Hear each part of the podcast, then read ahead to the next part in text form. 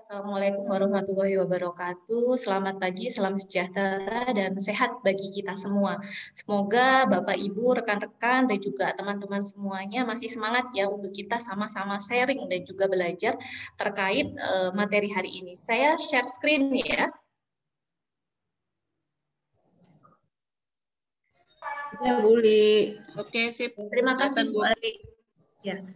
Hari ini kita membahas mengenai uh, untuk materi saya akan membahas mengenai pentingnya bagaimana sih layanan psikologi dan juga konseling bagi penyandang disabilitas. Mengapa sih penting layanan psikologi bagi penyandang disabilitas ya? Yang pertama adalah karena memang karakteristik dan juga jenis disabilitas yang beragam. Mungkin Bapak Ibu di sini atau teman-teman uh, ada yang mengalami kondisi ini atau ada yang pernah menangani punya saudara, anak ya atau kerabat yang punya uh, kondisi disabilitas seperti itu. Mereka memiliki karakteristik ya yang berbeda-beda ya, karakteristik personal atau karakteristik individual ya di antaranya seperti jenis disabilitasnya kayak gitu ya. Jadi disabilitasnya berbeda-beda seperti itu. Ada yang intelektual, ada yang mental ya, ada yang sensori seperti itu dan juga ada yang lainnya seperti ada juga yang ganda. Mereka juga memiliki karakteristik personal yang berbeda-beda seperti itu. Ada yang uh, motivasinya ada yang tinggi, minatnya bermacam-macam seperti itu, kepribadiannya ada yang introvert, ada yang ekstrovert seperti itu ya. Dan juga uh, mereka memiliki data demografis yang berbeda-beda mulai jenis kelamin, ras ya, sukunya, kebiasaan, pola perilakunya itu berbeda-beda antar satu disabilitas dengan uh, disabilitas yang lainnya seperti itu sehingga uh, mereka akan memiliki bermacam-macam gitu ya uh, dinamika terkait dengan problem-problem atau permasalahan terkait dengan karakteristik individualnya. Nah, yang selanjutnya juga uh, ada interaksi antara karakteristik individual dengan karakteristik dari sosial atau lingkungannya seperti itu. Contohnya yang seperti apa? Misalkan terkait dengan dinamika keluarga ya.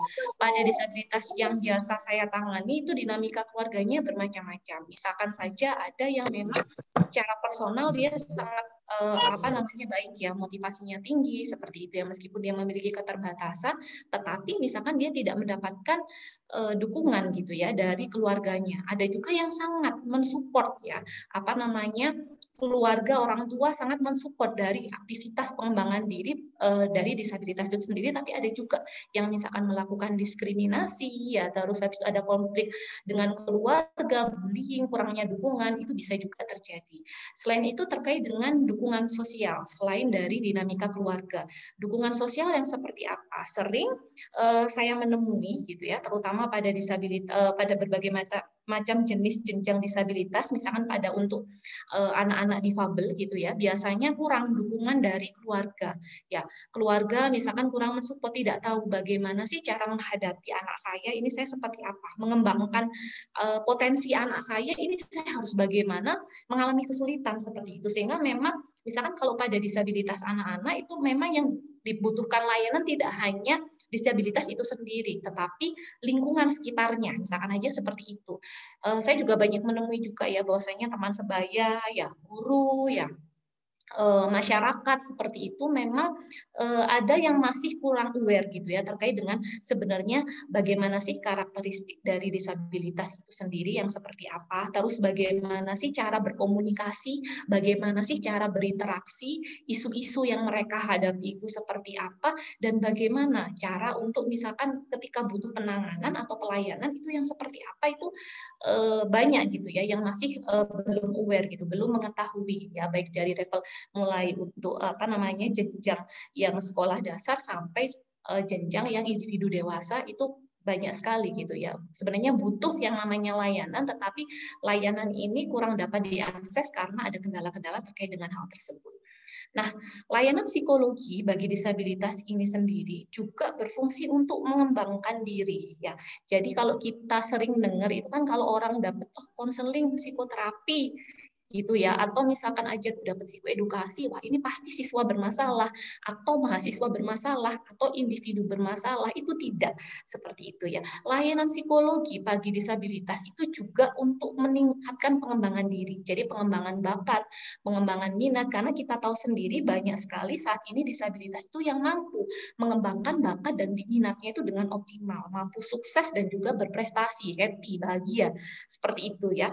Nah dan juga untuk menghindari dampak buruk dan masalah. Karena memang dari beberapa penelitian yang saya lakukan dan tim lakukan, itu ternyata banyak masalah-masalah yang dialami oleh disabilitas, baik itu masalah internal maupun eh, masalah eksternal yang itu berdampak pada kehidupannya sehari-hari, berdampak pada akademiknya, berdampak pada hubungan sosialnya dengan eh, orang lain seperti itu dan berdampak pada kondisi psikologisnya. Individu itu dalam menjalani kehidupannya. Seperti itu. Sehingga harapannya layanan psikologi ini tidak hanya untuk menangani, kalau bisa mencegah nih seperti itu ya, sehingga pada akhirnya eh, disabilitas ini punya kesehatan mental, dia sejahtera hidupnya, bahagia, ya bisa menjalani aktivitas bakatnya apa yang dia lakukan itu dengan senang dan juga bermakna, karena tadi masih banyak stigma isu-isu eh, yang itu menghambat Eh, disabilitas itu sendiri untuk sehat gitu ya secara mental dan juga secara fisik juga tentunya akan lebih sehat gitu ya lebih wellness dan juga eh, apa namanya komplikasi-komplikasi sekunder terkait dengan kondisi yang dimiliki itu bisa ditangani. Karena bagaimanapun ketika disabilitas ini individu yang difabel ini punya masalah psikologis itu pasti bisa berdampak juga pada kondisi fisiknya seperti itu. Dan juga Kenapa sih penting juga layanan psikologi bagi disabilitas untuk menumbuhkan ya kesadaran ya dan juga kebutuhan akan layanan psikologi dan tentunya layanan psikologi yang diharapkan ini adalah layanan psikologi yang inklusif seperti itu harapannya. Karena banyak layanan psikologi itu di mana-mana tetapi belum tentu yang inklusif yang bisa mencakup seluruh kebutuhan disabilitas. Karena disabilitas tadi macam-macam beragam ya. Ada disabilitas fisik ada yang sensoris ada yang mental, ada yang intelektual. Nah, mungkin bisa diakses gitu ya bagi yang sensoris, tapi bisa juga nggak bisa diakses nih untuk yang mental, intelektual dan juga sebagainya. Nah, itu kendala-kendala seperti itu sering kali muncul seperti itu. Nah, berdasarkan penelitian ya yang kami lakukan ya terkait pada mahasiswa, ini pada jenjang mahasiswa disabilitas terkait dengan permasalahan-permasalahan yang sering kali mereka hadapi ya ternyata variatif ya. Antara jenis disabilitas itu berbeda-beda ya. Yang tuli, tunadaksa, tunanetra, mental, intelektual itu variatif tadi. Karena tadi ada karakteristik individual, ada karakteristik sosial apa namanya eh, lingkungan yang berbeda sehingga tadi membentuk permasalahan ini berbeda-beda antara setiap individu. Tetapi dapat kita simpulkan bahwasannya masalah-masalah yang dialami oleh mahasiswa disabilitas ini terdiri dari masalah internal dan juga masalah eksternal. Nah, masalah internalnya ini sendiri yang pertama itu adalah terkait dengan uh, masalah psikologis seperti itu ya. Masalah psikologisnya seperti apa? Nah, ada masalah mereka punya masalah kecemasan ya, masalah konsep diri ya, ada stres, depresi, merasa minder ya, eh, apa namanya kurangnya penerimaan akan apa namanya kondisi diri gitu ya, perasaan kekhawatiran ya terkait dengan aksesibilitas ya ada juga masalah terkait dengan pengembangan diri ya pengembangan diri masalah terkait dengan eh, apa namanya juga bagaimana strategi untuk mengatasi permasalahan dan juga resiliensi pada disabilitas itu sendiri seperti itu misalkan kayak manajemen waktu ya terus bagaimana strategi belajar yang tepat gitu ya dengan menghadapi berbagai macam lingkungan yang beragam itu eh, permasalahan internalnya seperti itu pada mahasiswa disabilitas. Sedangkan masalah eksternalnya yang utama itu adalah terkait masalah dukungan sosial seperti itu. Ternyata mahasiswa disabilitas ini punya problem gitu ya terkait dengan dukungan sosial ya, kurangnya dukungan ya komunikasi dengan teman sebayanya, dengan dosennya, dengan gurunya, dengan masyarakat lingkungan sekitarnya seperti itu ya dan juga terkait dengan masalah keluarga itu juga menjadi sebuah masalah eksternal gitu yang berdampak pada kondisi internal dari mahasiswa disabilitas itu sendiri seperti itu. Dan eh, apa namanya lainnya adalah terkait dengan aksesibilitas ya. Aksesibilitas apa namanya eh, yang diperlukan oleh apa namanya mahasiswa disabilitas ya mobilitas dan juga akomodasi apa namanya itu sangat diperlukan ternyata dan itu menjadi sebuah problem bagi uh, mahasiswa disabilitas itu sendiri ya itu uh, garis bawah dari penelitian yang kami lakukan seperti itu dan ternyata memang masalahnya juga tadi ada masalah akademik ya dan juga terkait dengan masalah non akademik. Ternyata kalau dilihat tuh masalahnya ada banyak seperti itu ya. Saya juga sering kali menangani masalah-masalah pada um, apa disabilitas ya dalam level apa namanya usia anak-anak sampai remaja itu juga masalahnya hampir mirip gitu ya, masalah internal dan juga masalah eksternal. Tetapi kalau misalkan pada anak-anak biasanya lebih pada tidak hanya masalah internal tapi lingkungannya yang kurang aware gitu ya, yang kurang uh, apa namanya tahu bagaimana memberikan dukungan pada individu tersebut seperti itu dan ternyata masalah ini membawa dampak ya membawa dampak yang sangat besar gitu ya baik itu pada terkait dengan kondisi psikologisnya gitu ya motivasinya ya dan yang lain-lain dan ternyata strategi untuk mengatasi masalah kalau bagi mahasiswa disabilitas itu mereka internal dulu baru eksternal padahal sebenarnya dari ranking kebutuhan mahasiswa disabilitas berdasarkan penelitian kami, ternyata mereka itu butuh dukungan dari lingkungan. Tetapi mereka macam-macam nih kendalanya. Jadi kendalanya ada bermacam-macam seperti itu. Mereka juga butuh nih ternyata bimbingan pengembangan diri, kemauan dari individunya sendiri ya untuk mengatasi masalah dan e, mereka juga butuh gitu ternyata aksesibilitas, akomodasi dan juga mobilisasi. Dan ternyata ketika kami survei itu ternyata di mahasiswa disabilitas itu 82% tuh butuh konseling gitu ya daripada yang tidak kayak gitu dan ternyata yaitu tadi ternyata ketika antara yang butuh itu 82% tetapi yang mengakses layanan konseling itu hanya sedikit karena ada kendala-kendala eh, yang memang dialami seperti itu. Ya, kendalanya apa saja? Oh, ternyata ya kendala yang dialami oleh disabilitas ini sendiri yang pertama adalah kurang inklusifnya layanan psikologi yang diberikan seperti itu. Jadi mungkin cocok ya untuk yang tuli mungkin cocok seperti itu, tetapi nggak cocok sama yang tunadaksa. Misalkan oh layanan konselingnya ada di lantai dua gitu ya, yaitu bisa diakses sih sama tuli sama misalkan yang apa namanya tunanetra tangganya mungkin eh, apa namanya nggak terlalu sempit gitu ya masih bisa digunakan. Tapi kalau untuk yang tunadaksa ini kesulitan gitu ya harus ada pendampingnya baru bisa dia akses kayak gitu. Jadi kurang akomodatif aksesibel seperti itu. Ternyata juga nggak tersedia. Misalkan nih juru bahasa isyaratnya gitu ya. Uh, dia butuh konseling nih butuh psikoterapi tapi ternyata yang memberikan konseling dan psikoterapi nggak bisa gitu ya bahasa isyarat dan juga nggak ada pendampingnya. Jadi komunikasinya jadi lambat gitu ya jadi lama. Nah banyak sekali problem-problem terkait dengan hal tersebut. Nah yang selanjutnya kendalanya kenapa terkait dengan layanan atau akses yang ada itu adalah stigma dari masyarakat kayak gitu ya. Mereka mendapatkan stigma tadi ya oh individu disabilitas itu difabel itu punya eh, permasalahan gitu ya. Mereka punya keterbatasan.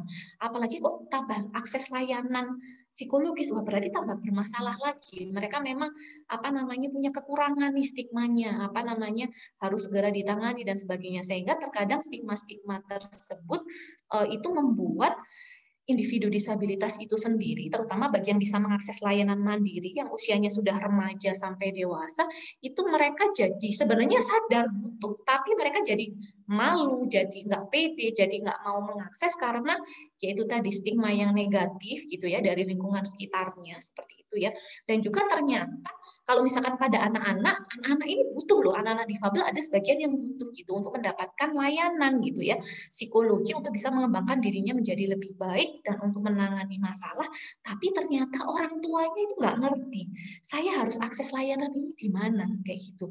Layanan apa yang saya butuhkan untuk anak saya kayak gitu. Atau orang tua atau guru, gurunya juga alah ya sudahlah pokoknya setahu saya gini ya sudah saya lakukan saja seperti itu ya padahal ada hal-hal yang memang harus dipahami gitu ya terkait dengan karakteristiknya, kelebihannya, kekurangannya, media belajar yang sesuai harus seinklusif mungkin gitu ya. Tapi ya itu tadi apa namanya tidak di, dilakukan secara inklusif sehingga pelaksanaannya dukungannya kurang optimal. Jadi dari teman sebayanya juga gitu yang sering kami temui. Makanya saya sering kali memberikan intervensi ya berupa pelatihan-pelatihan kepada apa namanya lingkungan ya pada disabilitas itu sendiri untuk bisa memberikan sosial support gitu ya. Karena banyak sekali yang tadi saya nggak tahu ngadepinnya gimana kayak gitu. Berarti apa yang harus saya lakukan? Bagaimana cara harus berkomunikasi? Karena mereka nggak tahu sering kali itu tadi mendapatkan bullying diasingkan atau dikucilkan tidak diajak bermain atau ketika diajak dalam suatu kelompok nah mungkin itu tadi ya ketika dia jadi dalam satu kelompok harusnya dia terlibat penuh. Dia nggak jadi terlibat penuh karena ya udahlah tak kerjain aja kasihan. Padahal kan sebenarnya sama aja. Mereka sama-sama punya potensi yang sama dengan kita semua kayak gitu. Karena mereka nggak paham kayak gitu ya. Jadi kesadaran kebutuhan minim informasi itu juga terjadi pada mahasiswa pada pada disabilitas itu sendiri maupun pada keluarga ya, pada keluarga atau lingkungannya. Nah, selain itu juga kepercayaan kepada pemberi layanan yang kurang optimal sehingga memang PR kita di sini bagaimana kita sebagai pemberi layanan itu untuk bisa branding ya istilahnya bahwasanya kita itu bisa memberikan layanan yang inklusif kayak gitu ya. Kita memahami sekali kondisi dari disabilitas itu sendiri. Nah, karena tadi karena kurang percaya karena ketika datang dapat layanan kok saya rasanya kok diskriminasi didiskriminasi ya. Saya rasanya kok kurang dipahami ya. Dia ngerti nggak kondisi saya? Seperti itu. Jangan-jangan nanti ada stigma tertentu dan sebagainya. Jadi Eh, itu juga menjadi sebuah problem gitu ya. Mungkin nanti akan bisa ditambahkan oleh pemateri lain ya terkait dengan kendala-kendala yang dialami pada uh, disabilitas ini. Nah, tantangan apa sih yang harus psikolog ya terutama lakukan ya dalam memberikan akses layanan psikologi yang inklusif memang yang pertama yang harus dilakukan tuh harus paham sekali karakteristik dari disabilitas, karakteristik apa namanya individualnya kayak apa secara komprehensif ya, karakteristik e, lingkungannya itu juga seperti apa kita itu harus tahu sekali gitu ya dalam berbagai macam jenjang ya karena beda-beda antara anak-anak, remaja sampai dewasa itu akan berbeda-beda seperti itu ya. Kebutuhannya, isu-isu yang muncul itu apa? Kayak itu ada stigma apa kayak gitu ya terkait dengan stigma apa namanya pendidikannya ya. Terus habis itu sarana prasarananya, aksesibilitasnya, mobilitasnya itu seperti apa, masalah sosial, isu-isu sosial yang muncul ya, pekerjaan dan juga lain-lain itu yang seperti apa itu kita harus benar-benar memahami seperti itu. Ketika kita memahami, baru kita menyusun rancangan dan mengakomodasi layanan yang sesuai dengan apa yang menjadi kebutuhan.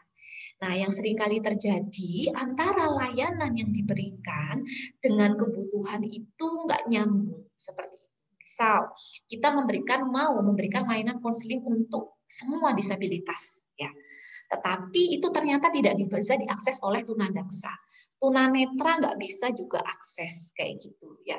Ternyata pemberi layanannya juga ternyata nggak semua gitu ya bisa memberikan pada semua jenis kondisi disabilitas. Nah itu kan harus jelas ya. Yang mau kita, sasaran kita itu siapa disabilitasnya. Terus lingkungannya siapa itu harus sangat jelas sekali.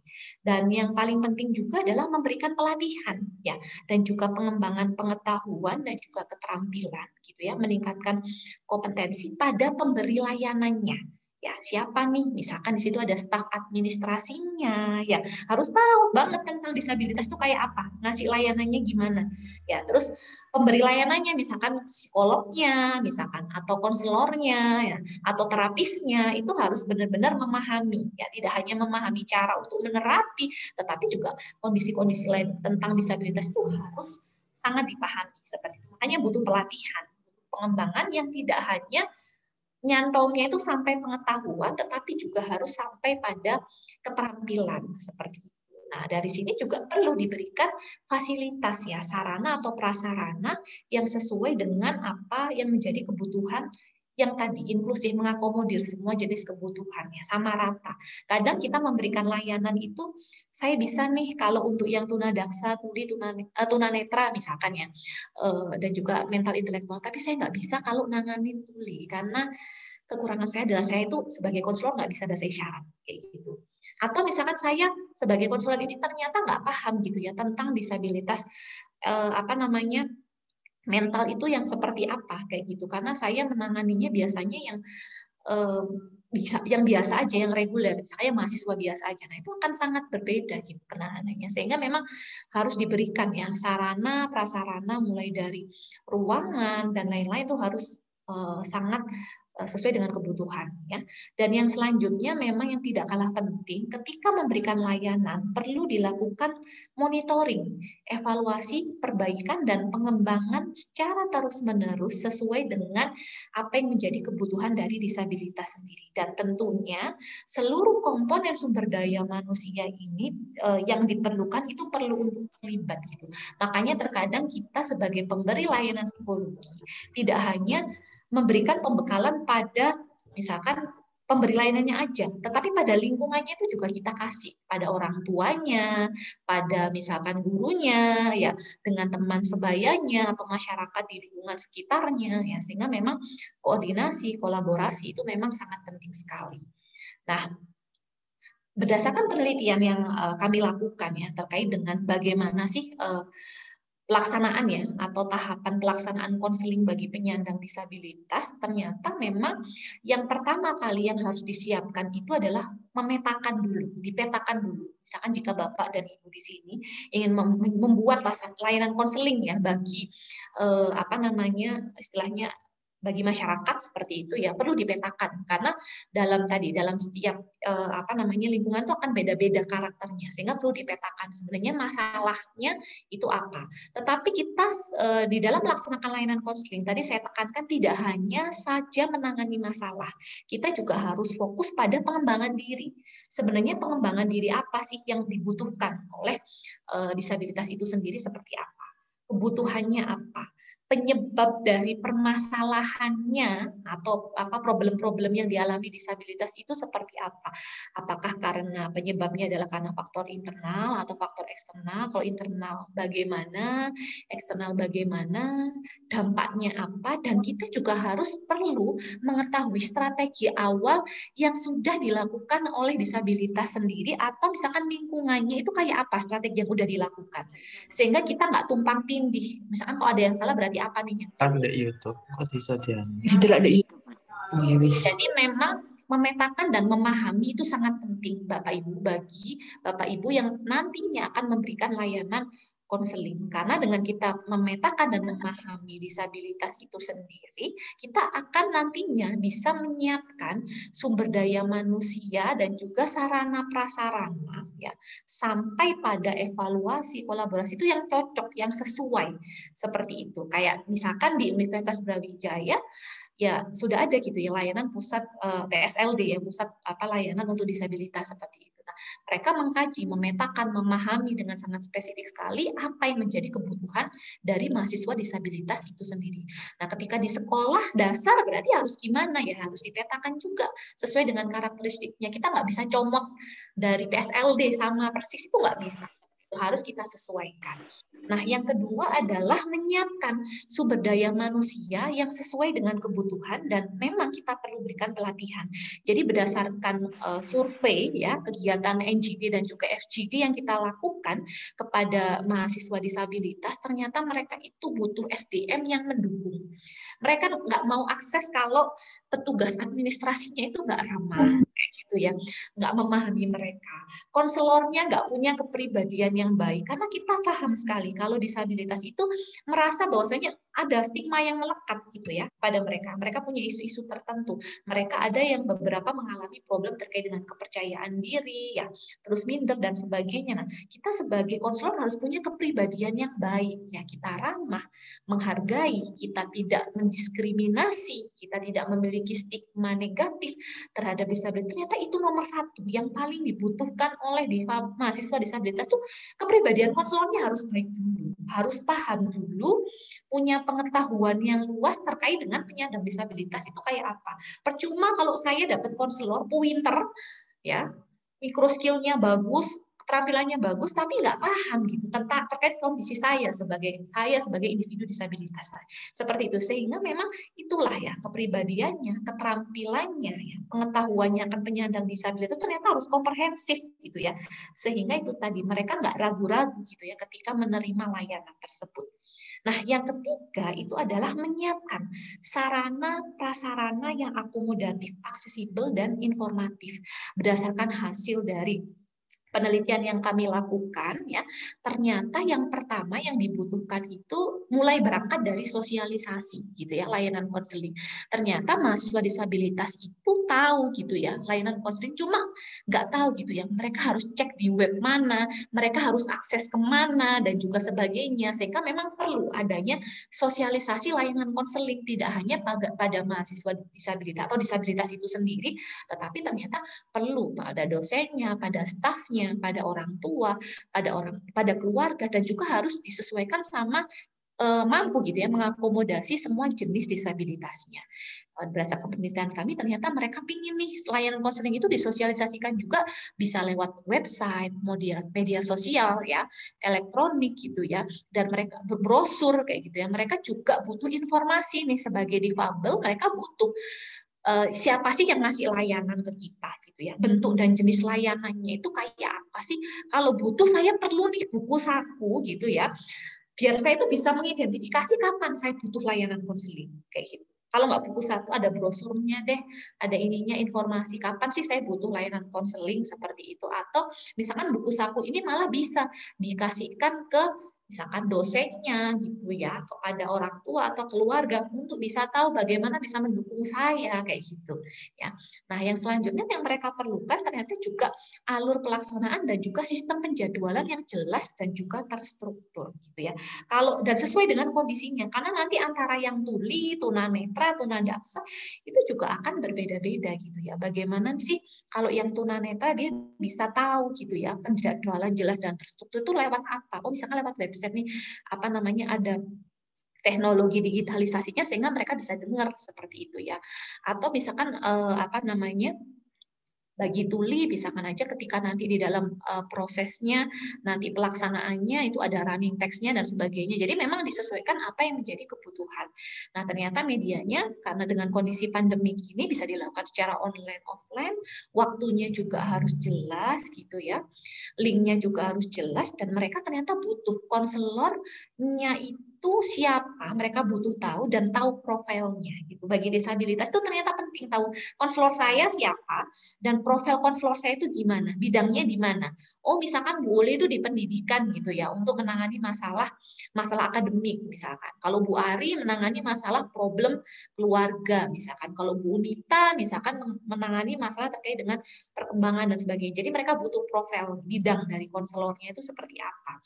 Nah, yang selanjutnya ternyata mereka juga butuh alur akses nih, gambar alur akses yang jelas ketika menuju ruangan konseling. Nah, ini misalkan kalau pada tunadaksa, tunanetra, ini mereka butuh ya ternyata alur akses yang jelas gitu. Ruangannya kondusif, nyaman gitu ya, aksesibel. Misalkan kalau pada tunadaksa itu harus muat kursi rodanya, pintu masuknya bisa masuk kursi roda. Kalau saya mau duduk ya harus pas gitu ya, misalkan aja seperti itu. Kalau misalkan terkait dengan eh, media alat peraganya, kalau bagi yang tuli saya butuh misalkan kadang butuh pendamping. Misalkan juru bahasa isyarat jika disediakan ya. Media atau alat peraga nih misalkan bagi yang untuk eh, apa namanya mas punya masalah mental intelektual fisik misalkan aja seperti itu. Jadi memang harus mengakomodir semuanya. Nah ternyata pelaksanaan konselingnya mereka itu paling banyak eh, dari hasil penelitian kami itu paling butuh itu yang pribadi. Jadi konseling pribadi itu nomor satu dibutuhkan. Pribadi tatap muka baik itu bisa secara online maupun secara uh, tatap muka tadi ya.